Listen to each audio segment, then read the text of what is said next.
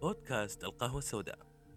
في البداية حينما تتخلى الأنثى عن العاطفة حينما يمرض القلب ويموت حرفيا حينما يكون القتل وكأنه ممارسة يومية روتينية حينما يتركز القتل على الأطفال والرضع وكبار السن حينما تكون القاتلة جليسة أطفال اسمها كريستين. ولدت في سنة 1963 ميلادي في فلوريدا الولايات المتحدة الأمريكية. في البداية أعزائي متابعين قناة القهوة السوداء حسابي أقدم فيه قصصا مختلفة باستمرار وأتمنى أن تنال على رضا الجميع وقتا ممتعا وقهوة أجمل. ودعمكم المستمر ومتابعتكم شرف عظيم جدا. فأهلا وسهلا بالجميع. كانت كريستين أصغر طفلة في عائلة غير عادية. اسم والدها توماس. وعمره 65 سنة. في وقت ولادتها واسم أمها آن في عمر 16 سنة. يعني ما زالت قاصر. لكم أن تتخيلوا فرق العمر بين أبوها وأمها 50 سنة. وفوق هذا كانت عائلتها تعاني من الفقر وهذا الشيء أثر على طفولتها ونتج عنه لا دعم ولا اهتمام من الوالدين. ونتج عن هذا الشيء تخلفها العقلي وكمان عانت من مرض الصرع في طفولتها. وكان هذا كفيل إنه يخليها قاتلة. زادت الخلافات والمشاكل بين والدينها بسبب الظروف المادية السيئة وما صاروا يقدرون على مصاريفها ونفقاتها وإعانتها. فقاموا بوضعها في دار الأيتام وصارت تتنقل بين دار الأيتام وبيت والدينها. لكم أن تتخيلوا إنها عوضت كريستين عن عدم الأمان والغضب المكبوت عندها بقتل الحيوانات الصغيرة وبالذات القطط. كانت تشيل القطط وترميها من أعلى المنزل وكانت تتلذذ بهذا الشيء.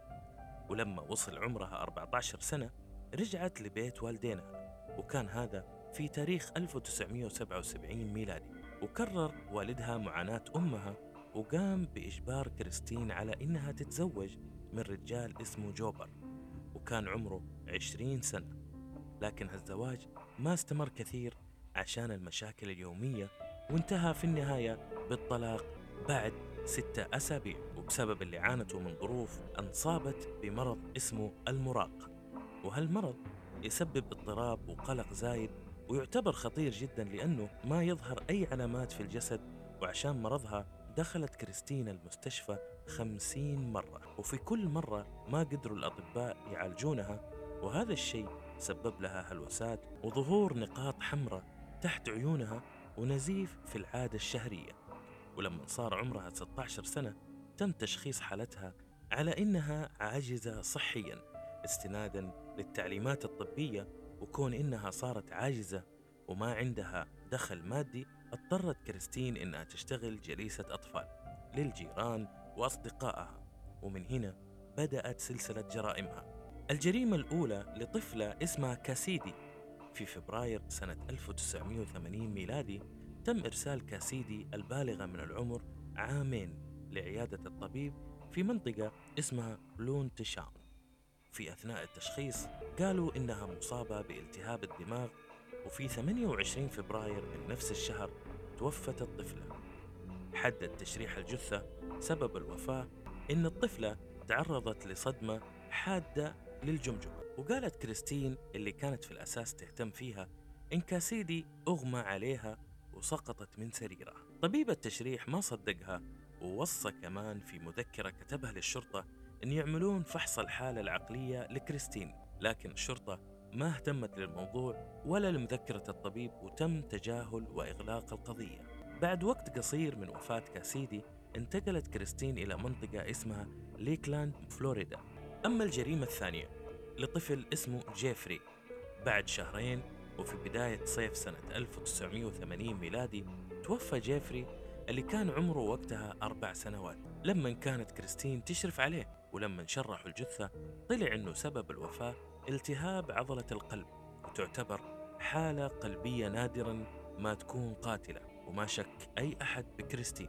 أما بالنسبة للجريمة الثالثة كمان الطفل اسمه جوزيف وكان عمره وقتها سنتين وهو ابن عم الطفل جيفري الضحية الثانية اللي ذكرناه قبل شوي.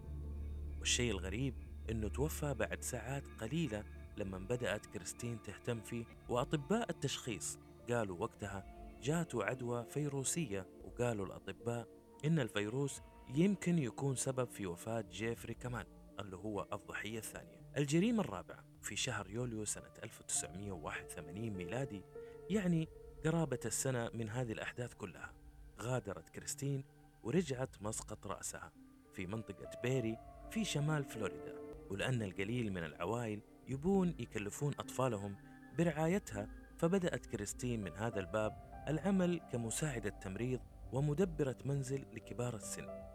وبشكل مفاجئ أتوفى ويليام وكان عمره 77 سنة في مطبخ بيتهم في نفس اليوم اللي بدأت فيه كريستين تهتم فيه. أما الجريمة الخامسة في خريف العام نفسه توفت ابنة أخت كريستين وكان اسمها جينيفر وكان عمرها ثمانية أشهر فقط.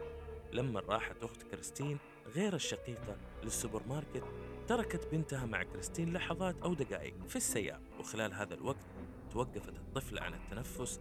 هنا اشتبه الأطباء في أن متلازمة موت الرضيع المفاجئ هي سبب الوفاة. الجريمة السادسة والأخيرة. وفعلا كانت نقطة تحول في خط الموت الغامض. وفاة ترافيس وكان عمره عشر أسابيع واللي توفى في تاريخ 2 يوليو سنة 1982 ميلادي. لما كانت كريستين تهتم فيه ولما شرحوا الجثة الأطباء لقوا إصابات داخلية وأعطوا احتمال إنها تكون ناتجة عن الاختناق.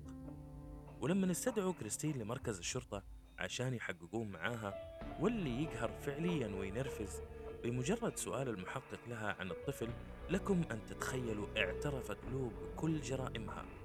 ولما سألوها عن الدوافع أنك تكوني قاتلة قالت إنها كانت تسمع أصوات تحرضها على قتل كل طفل يكون بين يدها. وفي سنة 1982 ميلادي بدأت جلسات محاكمتها وعشان كريستين اعترفت بكل شيء سوته تم تخفيف الحكم من الإعدام إلى مدى الحياة. وبعد قضاء دام 25 سنة في السجن كانت كريستين مؤهلة للإفراج المشروط لكن تم رفض طلبها للإفراج المشروط عن طريق مجلس مراجعة الإفراج المشروط.